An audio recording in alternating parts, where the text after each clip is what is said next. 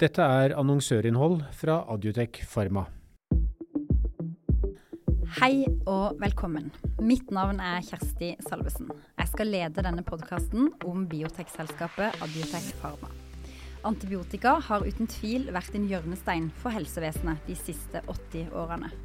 Antibiotika sies å ha redda over 200 millioner liv. Før antibiotikaens tid så døde svært mange kvinner i fødsel pga. infeksjoner. Og litt satt på spissen, du kunne faktisk dø av et lite rift i fingeren. I dag er bruken av antibiotika trua av en global spredning av antibakteriell resistens, forkorta AMR, mest kjent som antibiotikaresistens. Det er sjelden at et legemiddel som er utviklet i en norsk bedrift, kommer helt fram til klinisk utprøving. Og I den anledning skal Adutec nå ut og hente penger for å finansiere dette. Med oss i studio har vi to personer fra det norske selskapet Adiotech Pharma, som har kommet et langt stykke på vei for å finne løsninger på antibakteriell resistens, altså AMR. Dette er to meritterte menn, nemlig daglig leder Bjørn Klem og gründer, forskningssjef og professor Pål Rongve. Fortell kort om dere sjøl, Bjørn og Pål. Takk, Kjersti. Eh, jeg heter Bjørn Klem, er daglig leder i Adiotech Pharma. Jeg er farmasøyt og har bakgrunn fra norske biotekselskaper gjennom mange år. Og jeg traff Pål eh, for et par år siden i min tidligere jobb som leder av Oslo Cancer Cluster Inkubator. Og så etter det begynte snøballen å rulle. Takk for det, Kjersti. Jeg er uh, Mitt navn er Pål Rongve. Jeg er professor på universitetet. Akkurat nå 50 uh, eh, men går over i selskapet 100% fra høsten. Jeg er kjemiker av yrke og har 22 år i legemiddelindustrien bak meg. Og 20 år på universitetet. Og jeg har også tung kompetanse innenfor patenter, IP. Spennende. Kan dere si litt mer om antibiotikaresistens, og hvilke globale og lokale utfordringer vi snakker om her? Det som er eh, Noe av problemet er at i store deler av verden så er det ikke uh, reseptbelagt å bruke antibiotika. Så det brukes over en lav sko. og det fører til at i en del andre land, andre land i verden så er det problemet mye større. Eh, det hjelper lite for oss her i Norge, fordi at eh, antibiotikaresistens kjenner ingen landegrenser. Fordi eh, disse bakteriene reiser med oss, eller kommer med flyktninger. Eh, så i forbindelse med katastrofe, krig og turisme, så kommer disse bakteriene hit allikevel. Nok å nevne det ferske eksempelet fra Kalnes, hvor eh, det var et eh, utbrudd av en ganske farlig tarmbakterie. Og det er flere eksempler i, i Norge også på at dette har kommet til Norge for å bli. Bjørn, du har et viktig biotek-budskap til norske politikere. Eh, ja, det har jeg. Og det var, veldig, det var veldig positivt å høre næringsministeren nå si at uh, helseindustri skal bli vår neste eksportnæring. Da må nok ha litt hjelp, men jeg syns at utgangspunktet er positivt. Samtidig så har EU-parlamentet nylig gått ut og bedt alle medlemsland om å støtte kampen mot eh, antibiotikaresistens med mer midler. Sammen så vil jeg, vil jeg foreslå nå at næringsminister og kunnskapsminister setter av 1 milliard kroner i et fond som skal gå til antibiotikaresistensselskaper eh, og dekke dyre fase 2-3-studier. Samtidig skal, bør også en del av disse midlene gå til å skaffe bedre tilgang til nye antibiotika som er registrert, men som selskapene ikke setter på det norske markedet pga. at de har for dårlig inntjening. Dette er et, eh, et, et, eh, tilbud som man har, nå har i Sverige. Så jeg syns eh, vi skal se litt til Sverige og ta det til følge her også. Når og hvordan var det du begynte å interessere deg for antibiotikaresistens, Pål? Jeg har jo alltid vært veldig interessert i kjemi og legemiddelkjemi. Men for ti år siden så satt vi og forsket på en helt ny teknologi, nye kjemiske forbindelser som hadde effekt mot kreft. Og så traff vi et veldig kompetent miljø i Tromsø. Uh, og de, vi så at de jobbet med enzymer. Er, enzymer er stoffer i kroppen som gjør jobber i biologien vår, sånn at vi holder oss friske. Vi så Tromsø-miljøet og jobbet med noen enzymer som lignet på de vi skulle jobbe med. Eller våre forbindelser kunne virke på de enzymene. Så spurte vi om å få lov å samarbeide. Og så fikk vi innpass i en stor biobank i, ved Universitetssykehuset i Nord-Norge, eh, KRS. Der fikk vi lov å teste på klinisk isolerte bakterier. Altså det er bakterier som er tatt ut av mennesker når de har infeksjoner. Og det er en stor biobank der oppe, og vi fikk lov å teste. Og vi fikk fantastiske resultater. Og det var da liksom eh, hallelujastemningen eh, oppsto. Hva er løsninga på problemet, altså den teknologien som Adiotech har forska frem? Ja, før, det, før, jeg kan svare på det, så må jeg si litt om uh, hvordan uh, antibiotikafeltet har sett ut helt siden penicillinet ble oppdaget. Da har man, satset man på uh, bredspektret antibiotika som går inn og dreper bakteriene. Piller som skal via tarmbakteriene og over i blodet, og så skal det drepe infeksjoner. Det kaller man bredspektrede antibiotika. Vår løsning er en helt annen. Vi jobber med substanser som går inn og ødelegger selve resistensen i bakteriene, men ikke bakteriene selv. Så når vi gjør det, så tar vekk resistensen i bakteriene, og så kombinerer med et legemiddel på markedet, så virker plutselig legemiddelet igjen. Det er eh, som et mirakel. Så det var den oppdagelsen her som gjorde at vi fikk den hallelujastemningen. Mm. At vi faktisk forsterker legemidlene gjeninnføre effekten av legemidlene på markedet, som fra før av ikke virket lenger på de bakteriene. Nå virker det igjen. Det er det som er oppfinnelsen. Kan du beskrive produktet og forklare hvilke pasienter som vil få nytte av dette, Pål? Ja, det er veldig viktig å si at uh, dette produktet er, uh, altså, er ikke et nytt antibiotikum. Det har stoffet i seg selv som vi utvikler, har ingen effekt på bakterier. Hele uh, konseptet er bygget på at når vi kombinerer eh, vårt produkt, som er en enzymhemmer, med et legemiddel som har antibiotisk effekt, som er der ute på markedet, da ser vi at vi forsterker, gjeninnfører effekten av det legemiddelet som er på markedet, som fra før av altså ikke virket. Så når vi kombinerer vårt stoff med det antibiotiske legemiddelet på markedet, så virker plutselig legemiddelet igjen. Selv om ikke vårt stoff har noe antibiotikaeffekt. Og dette gjelder spesielt eh, noe som man kaller Du kan dele bakterier i to. Gram negative og gram positive. De fleste vet sikkert hva det er. Eh, det er de gram negative bakteriene som skaper størst problemer i samfunnet og på sykehusene. Og uh, der er det veldig ofte pasienter som lider av kroniske urinveisinfeksjoner. Kompliserte urinveisinfeksjoner. Lungeinfeksjoner som vi ser at vi kan hjelpe. Og det er mange pasienter som ligger på sykehus i dag med, med sånne infeksjoner. Som ikke har noe behandling med de nåværende legemidlene. Mm. Kan dere si litt om hvordan eh, Adiotech ble etablert? Ja, Dette prosjektet startet jo min forskningsgruppe Synfast på universitetet. Eh, og det var der vi fant denne teknologien. Og så eh, har vi samarbeidet med Universitetet i Oslo og innlevert patenter og så startet jeg et firma i 2019. Og så hadde vi litt startvansker med å få eh, prosjektet i gang. Eh, litt hjelp til vi skulle, hva vi skulle gjøre, og patenter og lisensiering og sånn. Og så da gikk jeg til eh, Oslo Cancer Cluster, og der var Bjørn Klem direktør. Og sa jeg har et spennende prosjekt, kanskje dere er interessert i det? Eh, det er, kreft, eh, det er en kreftinkubator, så det er per definisjon kreft de jobber med. Men så er det sånn at eh, 20% av kreftpasientene dør faktisk av infeksjoner, av bakterier altså. Ikke av kreft. Og det samme gjelder andre pasientgrupper som har redusert immunforsvar. Så det gjorde vel kanskje det til at de også var interessert i at dette kunne være et tilleggsbehandling til kreftbehandling. Da. Så det var sånn det startet, og så fikk jeg jo all den hjelpen jeg trengte for å komme i gang.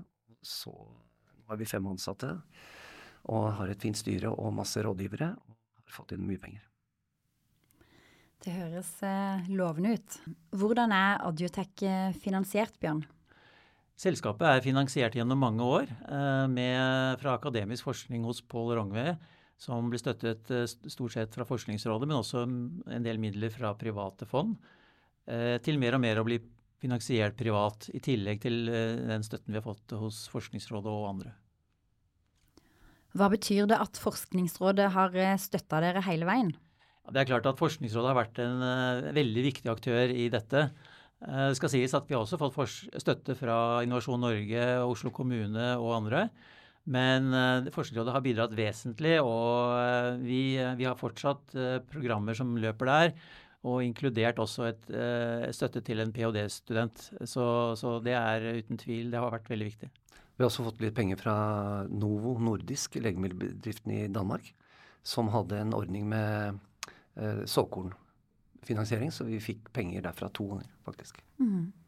Pål, vil du si litt mer om hva pengene har uh, gått til så langt? Ja, når man har kommet så langt som dette, så er det jo klart at det er tre viktige ting Eh, prosesser som man må utvikle. Og det er prosess, altså hvordan man skal produsere det stoffet man har valgt ut, mm. i litt større skala. Uh, det, er, det, du kaller den aktive legemiddelingredienten. Den skal altså produseres. Og det, er alltid vanskelig å skalere opp noe. Så det har vært en utfordring eh, som vi har løst. Og, det skal også formuleres. altså Det skal løses i noe, ha på has på et glass, kan du si. Så, og det skal være stabilt. Og det er den viktigste prosessen på det du kaller kjemisiden. da, Kjemi. eh, og så er det nummer to. Det er jo at det skal være trygt. Så vi har uh, kjørt masse studier i både i celler og i dyr, og uh, funnet ut at det er uh, faktisk trygt. Altså, forsøksdyrene dør ikke av dette her.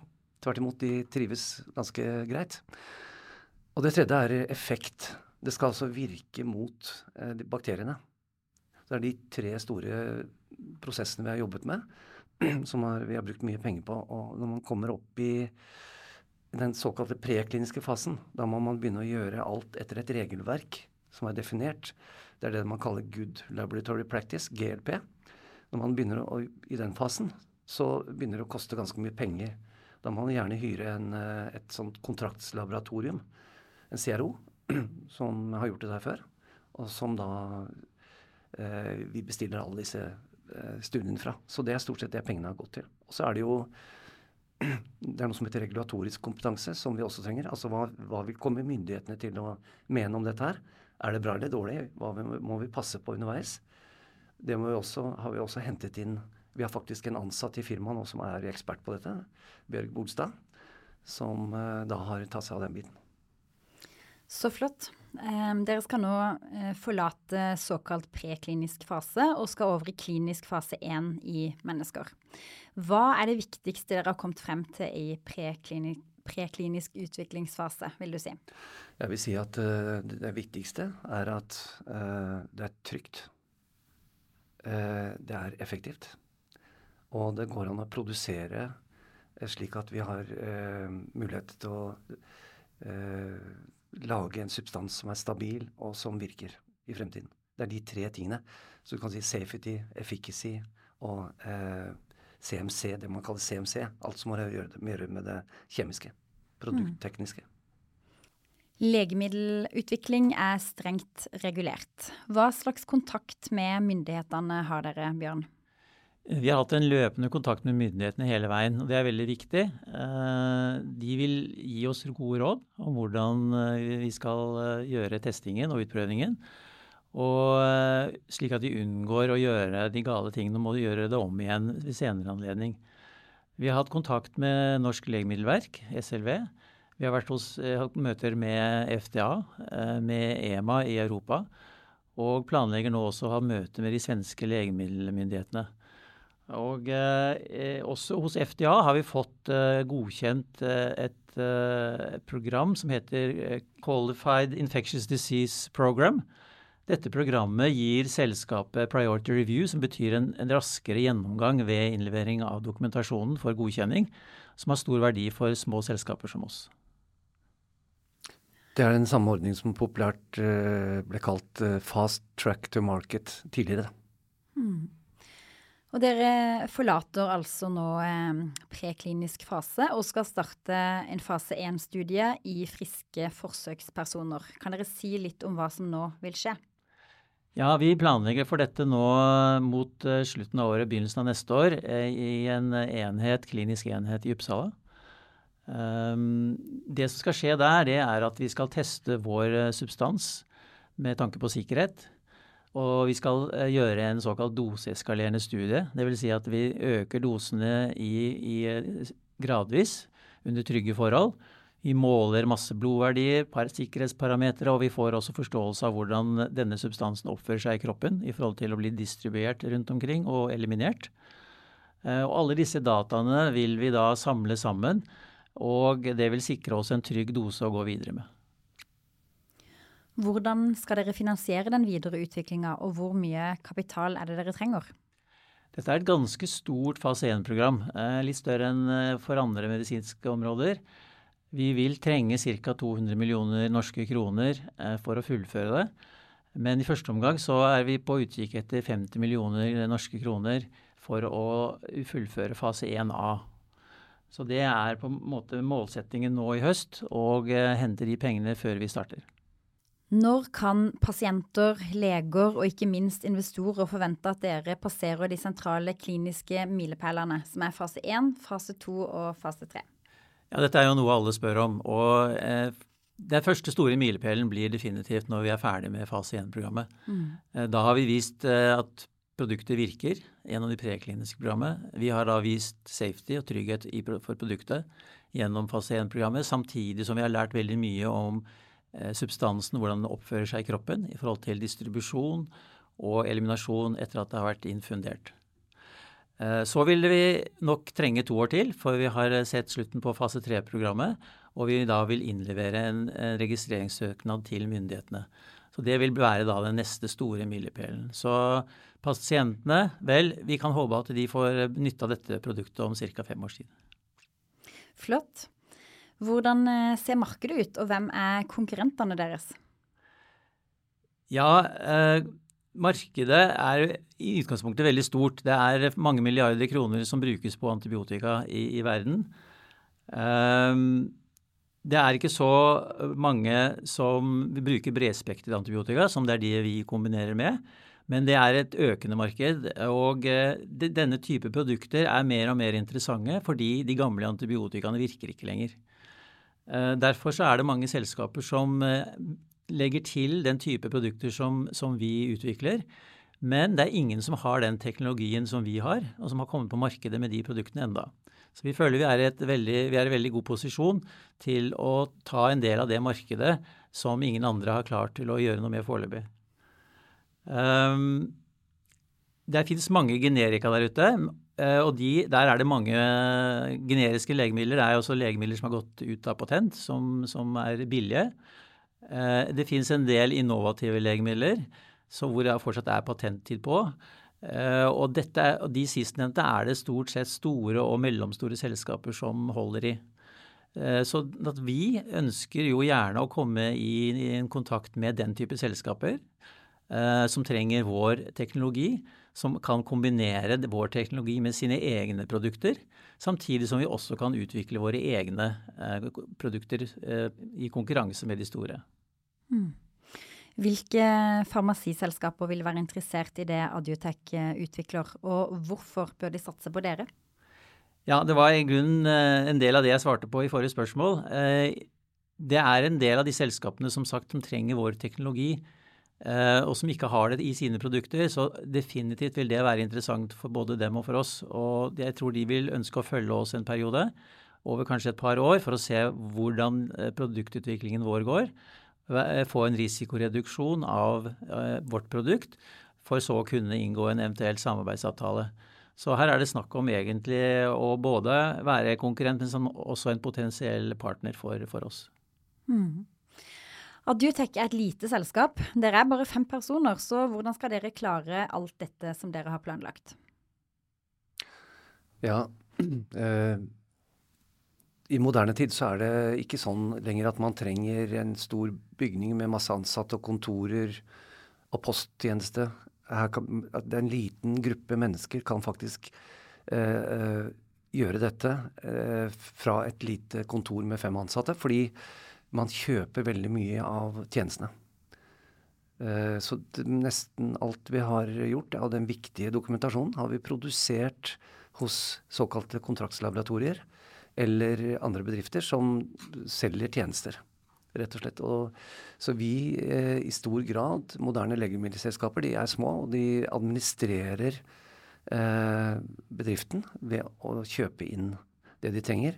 Og så må, eh, må man jo monitorere det disse kontraktslaboratoriene gjør.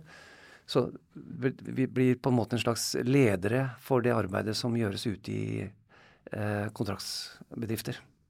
Der, sånn er det mulig faktisk for et lite selskap å komme veldig langt. Helt til slutt, dere trenger å hente privat kapital for å finansiere fase 1 i programmet. Hvorfor bør investorer satse på dere?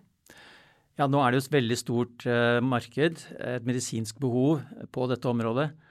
Og eh, vi har allerede vist at denne substansen virker.